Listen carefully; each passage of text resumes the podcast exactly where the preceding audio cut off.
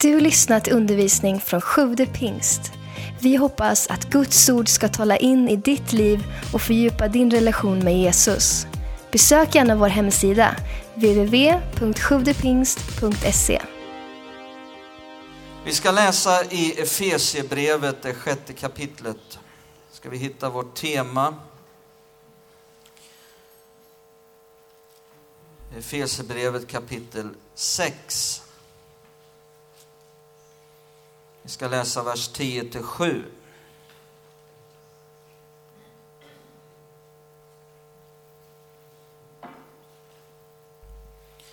Efesierbrevet 6, 10 till 7. Men innan vi läser så ber vi tillsammans. Fader Gud, i Jesu namn, vi ber att du ska tala till oss. Dina ord, när de talas genom din ande till oss, i vår ande, i våra hjärtan, är det som räddar våra liv, leder oss på en rätt väg. Och därför ber vi att du talar till oss, att du verkar i våra liv, förändrar, förvandlar det som behöver förvandlas. Till att vi blir mer Jesus lika, till att vi ännu mer kan komma i linje med din vilja och plan för våra liv.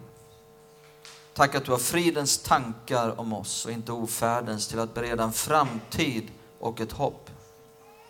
Led oss in i det. I Jesu namn vi ber. Amen. I Efesierbrevet 6 och 10 står det till sist, bli starka i Herren och i hans väldiga kraft. Det är gott att man inte behöver vara stark i sig själv. Och det var den här, vad det kommer att handla om här när det står ta på er hela Guds vapenrustning. För det handlar om att bli stark i Gud, i hans kraft. Ta på er hela Guds vapenrustning så att ni kan stå emot djävulens listiga angrepp.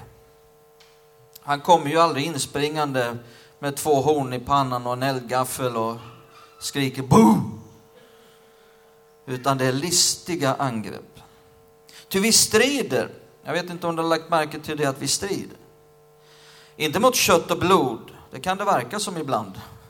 Men det är det inte, utan mot furstar och väldigheter och världshärskare här i mörkret. Mot ondskans andemakter i himlarna. Ta därför på er hela Guds vapenrustning så att ni kan stå emot på den onda dagen. Gud har aldrig lovat att den onda dagen inte kommer. Men han vill hjälpa oss till seger och behålla fältet sedan ni fullgjort allt. Stå alltså fasta. Här kommer nu vapenrustningens sex delar. Spänn på er sanningen som bälte kring era höfter. Kläd er i rättfärdighetens pansar. Sätt som skor på era fötter den beredskap som fridens evangelium ger. Ta dessutom trons sköld. Med den ska ni släcka den ondes alla brinnande pilar. Ta emot frälsningens hjälm. Och så sist, andens svärd som är Guds ord. Och det här har varit vårt tema under sommaren. Och här har vi talat om den här andliga kampen och vi har talat om Guds vapenrustning och vi har talat om de här sex vapendelarna. Och vi har redan nämnt fem, talat om fem och vi är framme vid den sista vapendelen. Och det är det vi ser här i vers 17. Där det står andens svärd som är Guds ord. Ja, det är det vi ska tala om idag. Vad handlar då andens svärd om? Ja, det står ju här andens svärd som är, vad då? Guds ord. Så, men när man tittar på de andra vapendelarna så ser man att de är också direkt relaterade till Guds ord. Var och en av dem. Det finns till exempel inget sanningens bälte utan Guds ord. Vad är det då som gör att Guds ord här blir ett speciellt vapen? Ett svärd. Ja, om man läser i den grekiska grundtexten så förstår man lite bättre. Nu är jag ingen grekisk professor, lika bra jag erkänner det på en gång. Ställ inte för stora krav. Men jag lär mig av de här som är grekiskt lärda. Och de säger här att det grekiska ordet för ord är rema. Rena rama rema. Ehm, och, och, här står det då att Guds, andens värld som är Guds rema. Vad betyder då det? jo, i den grekiska grundtexten finns nämligen två ord för ord. Det ena är rema och det andra är också logos. Logos. Logos är det ord som används allra mest i Nya Testamentet för ord och Guds ord, Guds logos. Eh, det här ordet logos är ett väldigt komplext ord. Det har en väldigt omfattande betydelse. Även eh, den historiska bakgrunden omkring ordet logos är väldigt rik, det är väldigt intressant att studera. Vi ska inte ta tid med det idag. Eh, men det är ett väldigt omfattande ord. Det svenska ordet logotyp kommer från ordet logos, är besläktat med det. Eh, så Guds ord, Guds logos, det handlar om Guds samlade kommunikation till människan. Det är Guds logos. När det handlar om det skrivna ordet, ett ord man skriver, då är det alltid ordet logos som används. Guds skrivna ord.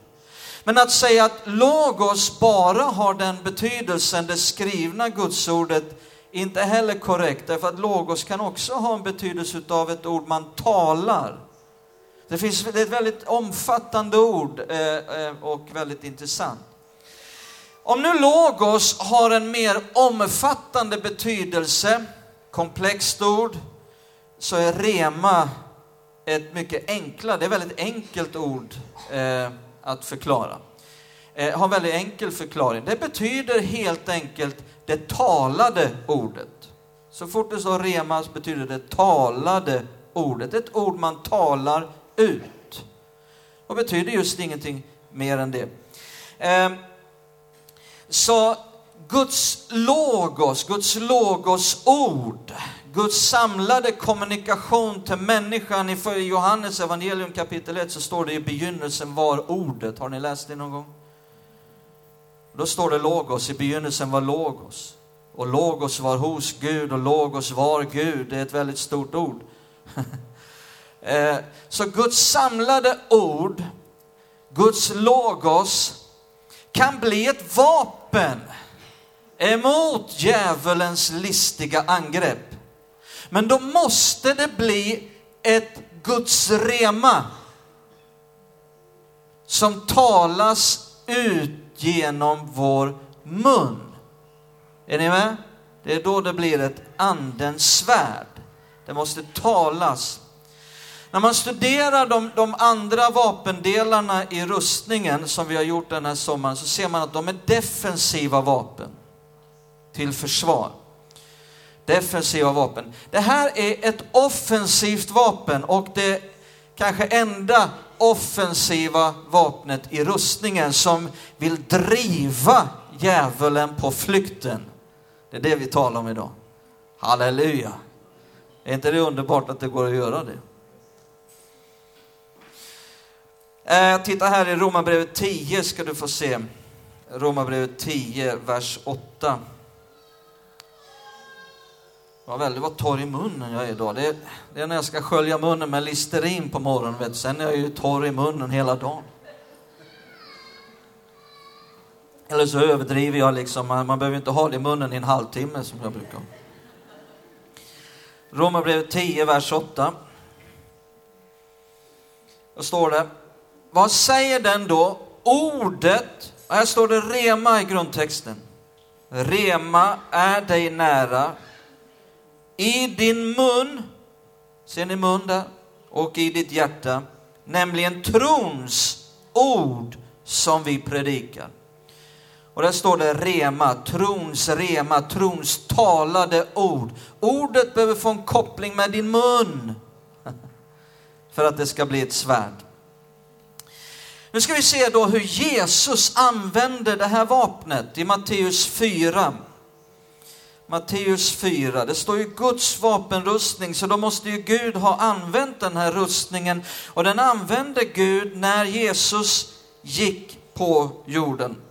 För 2000 år sedan så använder Jesus hela den här rustningen på ett fullkomligt sätt. Det är hans rustning vi ikläder oss. Och ju mer vi ikläder oss hans rustning, ju mer ikläder vi oss honom och ju mer blir vi starka i honom och i hans väldiga kraft. Och då kan han strida våra strider. Och då blir det betydligt bättre seger. Matteus 4 från vers 1. Sedan fördes Jesus av anden ut i öknen för att frestas av djävulen. Och när han hade fastat i 40 dagar och 40 nätter blev han till sist hungrig. Jag blev till sist hungrig redan på eftermiddagen. Då kom frestaren fram och sa till honom, om du är Guds son, så befall att de här stenarna blir bröd. Jesus svarade, det står skrivet. Människan lever inte bara av bröd utan av varje ord, varje rema som utgår från Guds mun. Ser ni mun och det talade ordet där? Men vi ska inte gå in på det nu. Sedan tog djävulen honom till den heliga staden och ställde honom på tempelmurens utsprång och sa om du är Guds son så kasta dig ner. Det står ju skrivet, han ska ge sina änglar befallning om dig och de ska bära dig på händerna så att du inte stöter din fot mot någon sten. Jesus sa till honom, det står också skrivet, du ska inte fresta Herren din Gud. Därefter tog djävulen honom upp på ett mycket högt berg och visade honom alla riken i världen och deras härlighet. Och han sa, allt detta vill jag ge dig om du faller ner och tillber mig. Då sa Jesus till honom, gå bort Satan. Ty det står skrivet, Herren din Gud skall du tillbe, endast honom skall du tjäna. Nu skickar Jesus djävulen på flykten och säger, gå bort Satan. Då lämnade djävulen honom och se änglar trädde fram och tjänade honom. I varje angrepp, i varje attack från djävulen så svarade Jesus med det står skrivet. Det står skrivet. Det står skrivet. Rätt vad det var sa djävulen, det står skrivet. Då sa Jesus, det står också skrivet. Ibland behöver man inte bara veta vad som står skrivet, utan vad som också står skrivet. När djävulen börjar citera Bibeln. Jesus han svarade inte med något annat, inte sitt tyckande, inte sitt förnuftsresonemang eller vad som borde, nej, Guds ord. Det står skrivet, ingenting annat. Han talade, inte bara tänkte fina tankar, han talade. Det blev ett Guds rema. Är ni med? Ett svärd.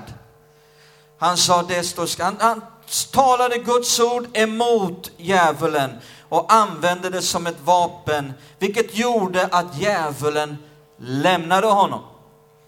Jesus, han var ordet, han är ordet, han var totalt fylld av Guds ord.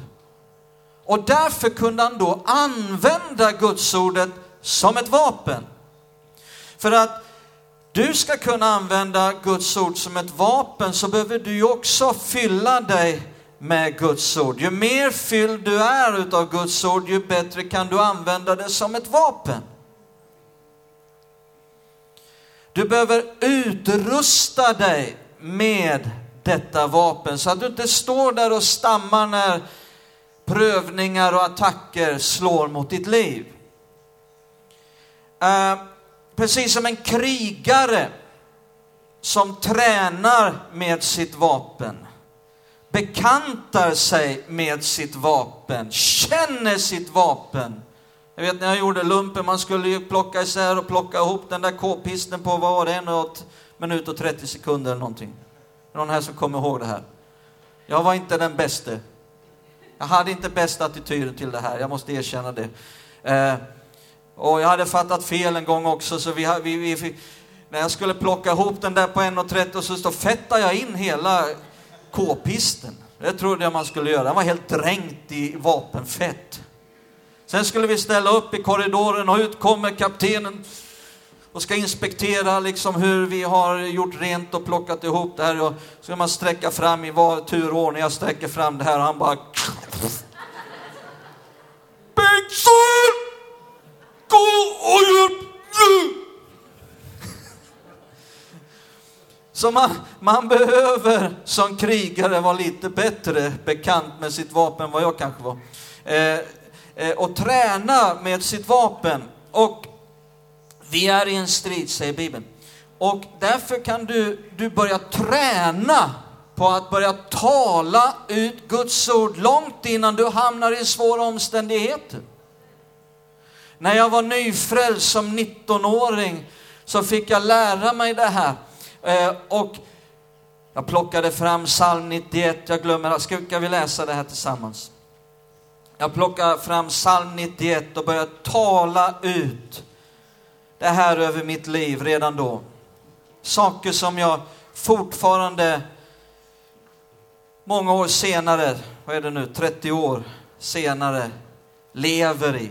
Och som jag fortfarande håller på att tala ut över mitt liv. Psalm 91, från vers 1. Den som sitter under den högstes beskydd och vilar under den allsmäktiges skugga. Jag bara stannar upp där och i tio minuter bara proklamera ut. Tack Herre, jag får sitta under din skugga. Jag får vila. Tack att jag får vila. Mitt liv ska vara fullt av vila i Jesu namn. Han säger, titta nu, här kommer det direkt. Vad säger han? Det är viktigt vad du säger. Han säger i Herren har jag min tillflykt och min borg, min Gud som jag förtröstar på. Och så stannar jag upp i tio minuter och bara tala ut det här över mitt liv. I dig Gud har jag min tillflykt. Du är min borg. Du är den jag förtröstar på. Han ska rädda dig från fågelfängnarens snara och från den förödande pesten. Så bara talar jag ut det i tio minuter. Tala det med Gud om det. Proklamera ut det i Jesu namn att han ska rädda mig från den här fågelfängnaren. inte för att jag är ute och flyger så mycket, men ja, jag ska inte utveckla några saker. Med sina fjädrar skall han övertäcka dig. Under hans vingar ska du finna tillflykt. Hans trofasthet är sköld och skärm. Du ska inte frukta nattens fasor, inte pilen som flyger om dagen. Jag talade ut Tack Gud att jag inte behöver leva i fruktan i mitt liv. Fruktan kommer inte vara en del av mitt liv. I Jesu namn. Du gör mig fri, Herre. Inte pesten som går fram i mörkret eller farsoten som härjar vid middagens ljus. Och så proklamerar jag ut hälsa över mitt liv. Jag behöver inte vara rädd för pesten. Jag behöver inte vara rädd för en farsot. Jag behöver inte vara rädd för sjukdomar som sveper över ett helt land. Jag lever under ett Guds beskydd. Och så bara tala ut det. Precis som vi sjöng här i sången. Löftena kan ej svika. De håller att stå på. Kan psalm 91 bli en verklig del av våra liv? Absolut! Om vi talar ut. Eh, om tusen faller vid din sida, ja tiotusen vid din högra sida, så skall det inte drabba dig. Med egna ögon ska du se hur de ogudaktiga får sitt straff. Ty du har sagt, titta nu kommer det igen, du har sagt, det är någon som har sagt någonting. Att Herren är ditt skydd, du har gjort den högste till din tillflykt. Vi behöver göra Gud till vår tillflykt. Och hur gör vi honom till vår tillflykt? Du har sagt, Alltså vi har mycket att göra med görandet av Gud till vårt beskydd. Och där är vad vi säger helt avgörande. Ser vi här. Uh, ingen olycka ska drabba dig, ingen plåga närmar sig din hydda. Jag bara talar ut det, ingen olycka ska, ska drabba mig. Ingen plåga ska närmas min hydda. Ty han ska ge sina änglar befallning om dig att bevara dig på alla dina vägar. De ska bära dig på händerna så att du inte stöter din fot mot någon sten. Över lejon och huggormar skall du gå fram. Du ska trampa ner unga lejon och drakar. Och så talar Gud här, han håller mig kär. Jag ska befria honom. Jag ska beskydda honom. Jag känner mitt namn. Han ropar till mig jag svarar honom. Jag är med honom i nöden. Gud har inte lovat att nöden inte kommer, men han har lovat att han är med oss. Och jag ska rädda honom. Ge honom ära. Jag ska mätta honom med långt liv. Halleluja. Och redan där som 19-åring börjar tala ut att tack Gud, du lovar, jag ska leva länge. Jag lever ända tills du kallar mig hem, tills jag är mätt på att leva. Jag ska mätta honom med långt liv och låta honom se min frälsning. Det här börjar tala ut som 19-åring, får leva i det fortfarande 25-30 eh, år senare och fortsätta tala ut det här över mitt liv. Så här kan vi göra. Det finns så mycket utav Bibeln, Guds löften, som vi kan ta fasta på, börja tala ut. Eh, det är med Guds logos ord du fyller dig. Och det är sen ur detta logos förråd, är ni med nu? Det är ur logosförrådet som du sen hämtar ett ord, ett Guds ord och talar ut över ditt liv. Eh, det var det som Jesus gjorde. Och det gjorde att djävulen lämnade honom. Och när vi öppnar vår mun och talar Guds ord rakt in i en situation så kan vi se omständigheter förvandlas. Negativa omständigheter när det, omständigheter när det eh, träffar våra liv. Har ni lagt märke till hur det kan tala med sån hög röst? 24 timmar om dygnet ibland, det bara talar med en jättehög röst. Negativa omständigheter. Och då är det viktigt att vi inte blir tysta. För det talar med en så stark röst. Och det är viktigt att vi inte hittar på våra egna ord, utan det finns något som kan tala ännu starkare och det är när det Gud själv har sagt om ditt liv. Där vi i tro ställer oss på hans löften och i tro talar ut. Vad många kristna inte har förstått, det är att det finns en oerhörd makt i att tala Guds ord. Eh, och då är det egentligen inte dina ord, det är Guds egna ord som blir lika kraftfulla som när Gud i begynnelsen sa var det ljus. Det är hans ord vi talar. Varför är då ord så viktiga? Vi behöver ställa oss den frågan. Varför är ord, att vi talar ut, varför är det så viktigt? Jo, det beror på att också den andliga dimensionen byggs på lag och rätt. Vet inte om du har lagt märke till det i Bibeln, det finns där överallt. Eh, ett, det, det är ett rättsligt system också i den andliga dimensionen. Gud, och eh, genom hela Bibeln så ser vi de här rättsliga termerna. Gud kallas för domare. Är det en rättslig term? Absolut. Ordet Satan betyder åklagare. Och Jesus kallas på ett ställe i King James version för advokat. Den gamla svenska översättningen står det en som för vår talan eller språkar för. Det är vad en advokat gör. Är du glad att du har en advokat? Manar gott för dig, talar för dig, försvarar dig. Ehm, och i den andliga dimensionen så sker en krigföring. Och där är ord avgörande. Den krigföring som består av ord, precis som i en rättssal. Och ofta behöver vi vara noga med vad är det första som kommer ur vår mun när en negativ omständighet kommer, när någonting svårt händer. Vad är det första som kommer ur vår mun? Kan ibland vara avgörande. Vad vi säger. Därför är det viktigt att utrusta sig så vi inte pratar dynga, utan talar Guds förvandlande ord. Möter upp. Vi ser de här sanningarna genom hela Bibeln. David och Goliat och mycket annat. Där David talar Guds ord, tro. Titta här i Uppenbarelseboken 12, ett, ett intressant bibelställe om just det här med krigföring och ord. Uppenbarelseboken 12. Nu vet vi att Uppenbarelseboken eh, har ett oerhört fantastiskt djup. Vi ska inte gå in på alla detaljer här.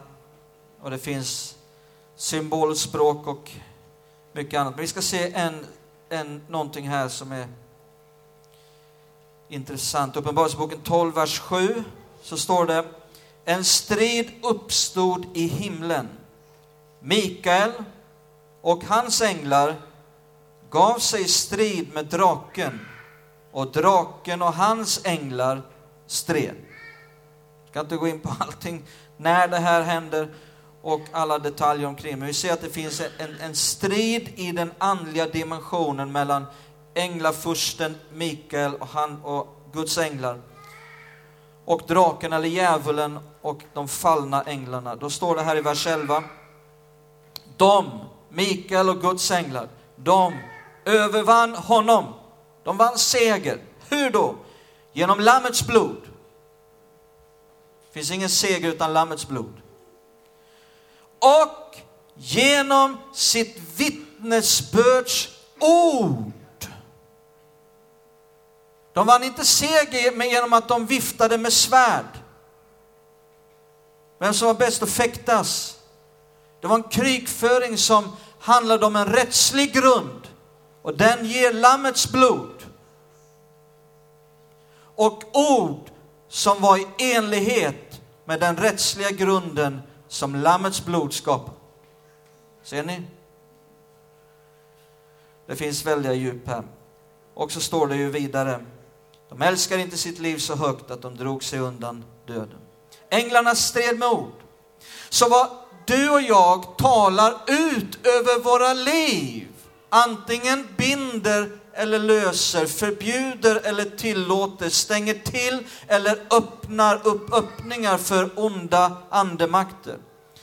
Om vi säger så här, som folk i allmänhet ute i världen, sker det som sker, vad än sker, det sker, que sera, sera. Om svårigheter kommer så löper man ju lika stor risk som alla andra att stryka med. Ja, då är det det som kommer att vara gällande. Men istället så kan vi ta fasta på Guds löften i tro och börja tala ut detta envist över vårt liv. Ibland när allt är mörkt, ibland när alla omständigheter säger rakt emot vad Guds ord säger. Ibland när allas erfarenhet och vår egen erfarenhet talar raka motsatta språket, att ändå envist sätta Guds ordet högst och börja tala ut det. Då kan det börja förvandla våra, vår situation. Psalm 23, vers 1 säger Herren är min herde mig skall inte fattas. En del de läser ju det där som Herren är min herde, jag fattar ingenting. Men det var ju inte det det stod. Herren är min herde, mig skall inget fattas. Första Petrus brev 2.24, genom hans sår har jag blivit helad. Guds ord säger det, jag tror det. Jag talar ut. det. Tack för att du lyssnat. Glöm inte att du alltid är välkommen till vår kyrka. Du hittar mer info på www.sjodepingst.se